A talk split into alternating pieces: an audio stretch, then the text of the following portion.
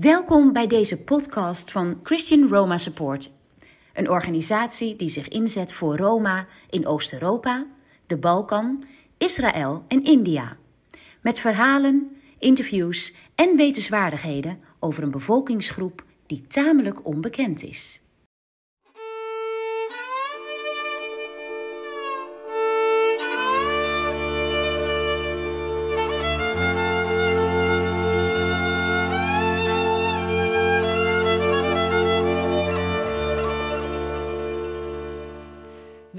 Dat de Roma-bevolking een eigen vlag heeft? De twee horizontale banen, boven blauw en onder groen, staan voor de hemel en de aarde. En het rode wiel in het midden verwijst enerzijds naar hun rondtrekkende verleden en anderzijds naar hun verbondenheid met India, waar hun voorouders vandaan komen. Ook in de vlag van dat land staat in het midden zo'n spaakwiel. De vlag is ook een onderdeel van ons podcastlogo. Alhoewel de Roma uit tal van stammen en clans bestaan die veel van elkaar kunnen verschillen en elkaar dikwijls ook niet goed verdragen, koesteren velen de Roma-vlag als symbool van hun gezamenlijke identiteit.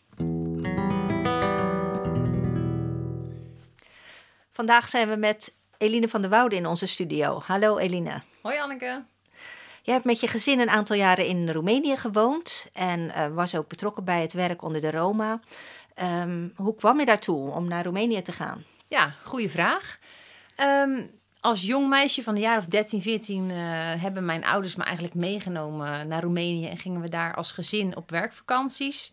Omdat mijn ouders, uh, ja, ook mijn vader was er een paar keer geweest en die zei van, joh, jongens, jullie moeten ook eens mee. Uh, ja, mooi ja. land, maar ook om te zien van, uh, dat het allemaal niet roze geur en maneschijn is. En ja, hoe goed we het eigenlijk hier in Nederland hebben. Ja. Dus zodoende ben ik met mijn ouders uh, een aantal keren in Roemenië geweest. En um, ja, eigenlijk werd ik daar gewoon geraakt door de armoede die ik zag op straat. En in de gezinnen waar wij kwamen, dat echt gezinnen, eh, vooral Roma waar we dan toen kwamen, die wel in de grote stad woonden. Maar in een soort hofjes woonden, echt achter grote deuren, een soort weggestopt. Um, ja, en dan kwam ik daar en dan dacht ik echt, wat is dit? Bestaat dit? En nou ja, ja dat heeft ja. iets in mij gedaan. Ja, dat ik op latere leeftijd ook tegen mijn man zei van... Um, ja, ik zou wel tijd apart willen zetten om ja, daar te gaan werken en uh, om vrijwilligerswerk te gaan doen.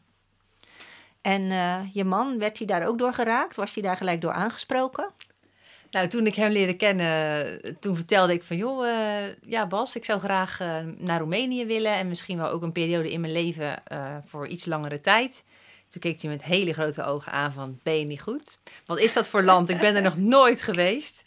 Dus okay. nee, eigenlijk hebben we hem toen... is hij ook een keer mee geweest met mijn ouders... ja, en met ons als gezin, zeg maar, naar Roemenië. En ik herinner me nog een, ja, een dag dat we in een grote stad waren... En dat we ja, eigenlijk aan het winkelen waren. We hadden even een, uh, een dagje lekker vrij. En uh, er liep daar een jongetje, denk ik een jaar of ja, vier, vijf. En dat jongetje liep in een heel gescheurd hemdje en een gescheurd broekje. Had niet eens schoenen aan. Oh. En wij hadden echt zoiets van, we moeten dat jongetje eten geven. Want hij was ook aan het bedelen. En toen hebben we meegenomen naar een bakkerijtje. En wij dachten, nou, die kiest vast de allerlekkerste taart uit die er is. Of een grote snoeplolly of iets. Ja. Maar wat deed dat jongetje? Hij, hij, koos een zak broodjes uit. En die deelde die dus buiten uit aan, uh, ja, ik denk aan zijn broertjes of Ach, zusjes. Ja. En dat, dat moment, dat heeft ons zo uh, geraakt. En vooral mijn man op dat moment.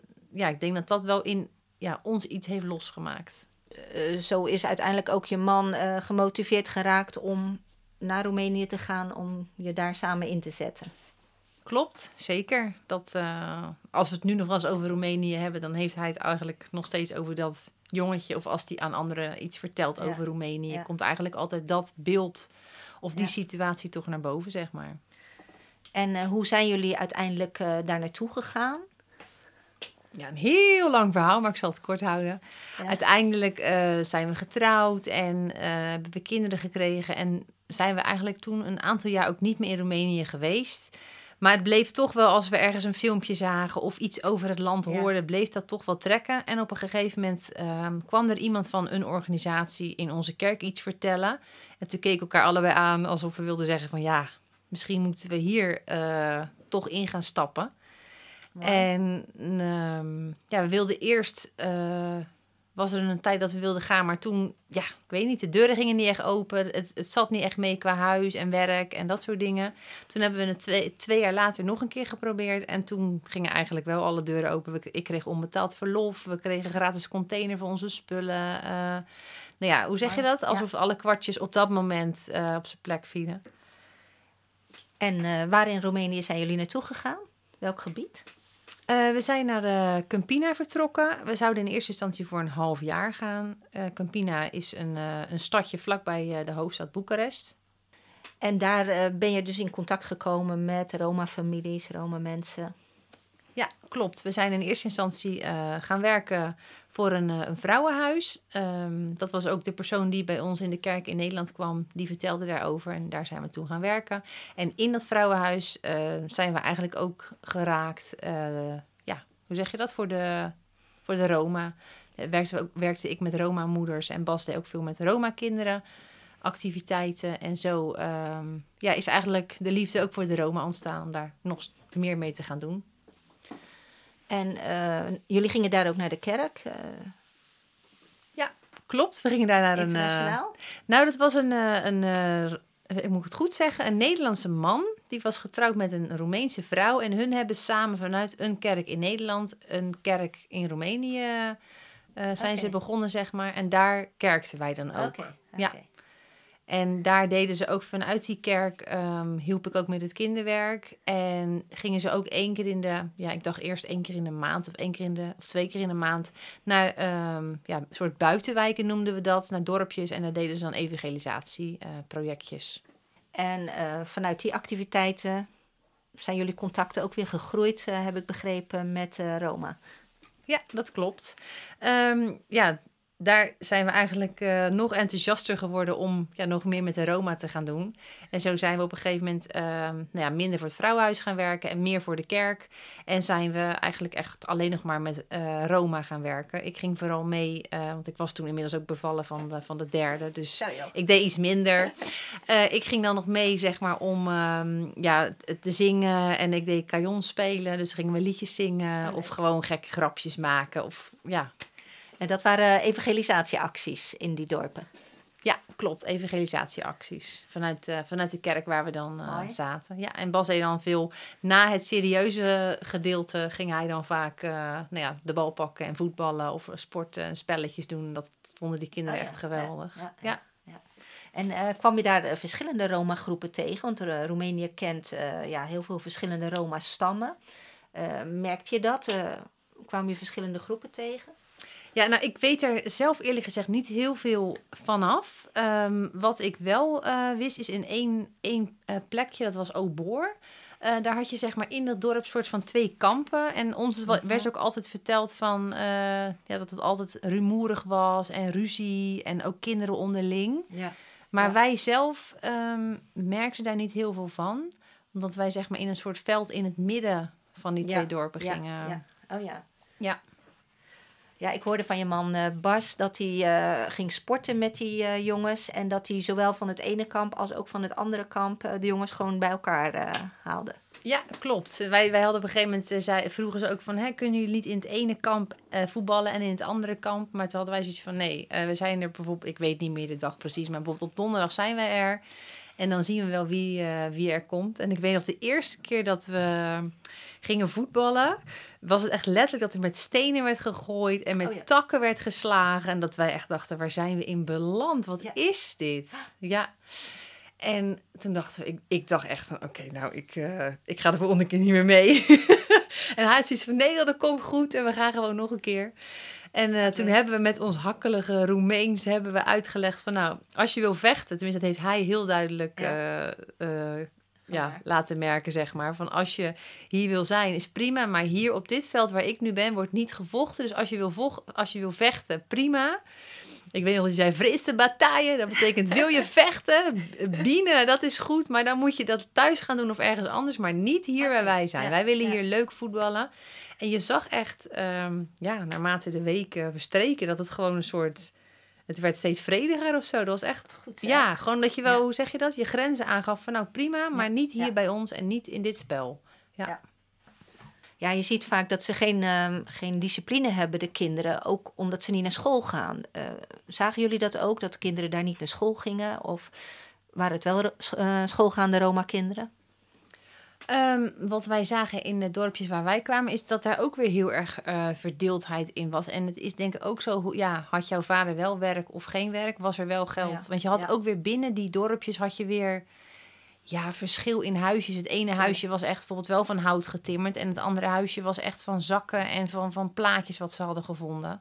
En er waren echt wel best wel kinderen die niet naar school uh, gingen. En die zag je ook als je bijvoorbeeld zelf overdag boodschappen aan het doen was of iets anders uh, in een stadje aan het doen was, zag je die kinderen ook bedelen bij de Kaufland. En dan herkenden ze ons ook en dan zeiden we volgens van, joh, moet je niet naar school? Mm -hmm. van, nee, mag niet van mijn ouders of ik moet bedelen. Dus heel oh, veel ja. kinderen gaan ja. ook niet naar school omdat ze moeten bedelen. Ja, maar gelukkig waren er ook wel kinderen in die dorpen uh, ja, die dan ja, wel naar school gingen. Maar ja, okay. dat was niet altijd leuk op school. Nee, het is best uh, heel moeilijk voor kinderen, voor Roma-kinderen ook om naar school te gaan. Dat horen we ook wel vaak, dat als ouders al overgehaald zijn om de kinderen naar school te brengen, dat ze niet altijd uh, leuk behandeld worden, genegeerd worden en ja, daardoor ook weer vaak afhaken. Ja, klopt. Nou, ik heb dat toevallig ook met mijn eigen ogen gezien. Oh ja? uh, mijn eigen zoontje ging een keer wennen in een, op een nieuwe school, in een nieuwe groep. En ik mocht daar een ochtendje bijblijven. En wat mij gelijk ook heel erg opviel, um, ja, er zaten twee kinderen achter in de klas, een jongetje en een meisje. En die waren echt soort van letterlijk weggestopt achter in de klas. En ze ja. werden ook soort van genegeerd. Als ze een vinger opstaken, dan werd er ook niet op gereageerd. Ja. Nou, en dat maakte mij eigenlijk best wel boos. Ik had echt een neiging om te zeggen van... hallo, dit zijn ook gewoon kinderen, hè? Dit zijn ook gewoon mensen. En um, ik weet nog, in de pauze gingen ze dan in de hal, mochten ze spelen. Die kinderen waren ook... Nee, gelukkig hadden ze dan elkaar nog. En dat ik iets eten in mijn tas, dat ik hun ook iets lekkers gaf. En dat je andere kinderen, zelfs al Roemeense kinderen, zag kijken van... nou, doe even normaal mevrouw, waarom oh, ja. geeft u deze kinderen iets te eten? Oh, oh, ja. En dan heb ik juist de neiging om, om te laten zien van... deze kinderen mogen er ook gewoon tuurlijk, zijn. Tuurlijk. Ja. ja. Dus dat is wel... Uh, helaas is dat nog steeds echt wel aan de orde. Ja, ja hoe schrijnend is dat? Ja. Ik uh, hoorde een keer van een, um, uh, ja, een politica, een Zweedse vrouw, een Roma-vrouw die uh, heel erg goed kon leren en uh, naar school wilde gaan. Maar uh, in Zweden destijds ja, werd zij gewoon naar een school gestuurd voor gehandicapte kinderen, omdat ze uit een Roma-gemeenschap kwam. Maar haar ouders hebben dat niet geaccepteerd en wilden per se dat zij naar school ging. Dus dat is uiteindelijk gelukt. Maar zij heeft precies dezelfde ervaring waar jij ook van vertelde. Dat ze altijd achter in de, in de klas werd gezet. Door zowel de leerkrachten als de kinderen zoveel mogelijk genegeerd, buitengesloten. Dus dan is het ontzettend moeilijk voor een kind om dat vol te houden. En heel vaak ja, houden kinderen het ook niet vol. Zij heeft het volgehouden. En ze heeft na de school universiteit gevolgd. En ze is in de politiek gegaan. En ze is zelfs Europarlementariër geworden. Maar zij vertelt nog altijd dit verhaal om te laten zien hoe ernstig het is dat die kinderen zo buitengesloten worden. En ja, heel erg ontmoedigd worden om naar school te gaan. Dus dat is nog altijd een enorm obstakel. Een van de obstakels, want het heeft verschillende kanten waarom die kinderen niet naar school gaan. Terwijl uh, school gaan is natuurlijk het meest uh, essentiële. Jij bent inmiddels uh, zelf lerares. Je ja. woont hier in Nederland. Klopt. Ja, ik ben eigenlijk na ons Roemenië-avontuur ben ik om gaan scholen tot juf. Ik dacht, ja. ik wil ja, toch nog meer met kinderen gaan doen. En voorheen deed ik, was ik wel gezinscoach en kwam ik in gezinnen met kinderen. Maar ja, hoe mooi is het om zelf heel de dag ja, een, iets moois achter te kunnen laten, uh, ook in de klas, ja. door je houding en ja. een stukje liefde. En ik werk zelf nu op een school, waar wel een christelijke school, maar 80% is geen christen. Oh, nee. Dus um, ja, helaas was voor ons het avontuur in Roemenië voorbij. Maar uh, ben ik hier nu nog steeds uh, ja, aan het zaaien in de op klas. Op een hele mooie op, ja. manier ook aan het werk. Ja. Mooi. Nou, heel hartelijk dank voor dit interview. Fijn om te horen en God zegen. Dankjewel. Jij ook.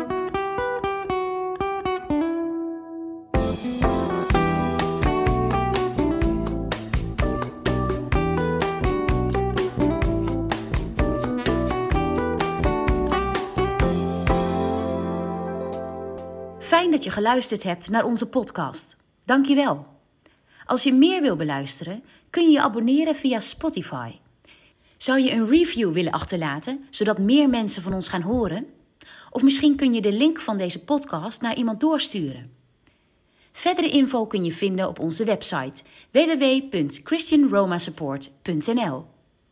Deze podcast is gemaakt door Anneke Stijnman en Kees en Tilly Nieuwstraten met medewerking van Mirjam Bouwman. Graag tot de volgende keer.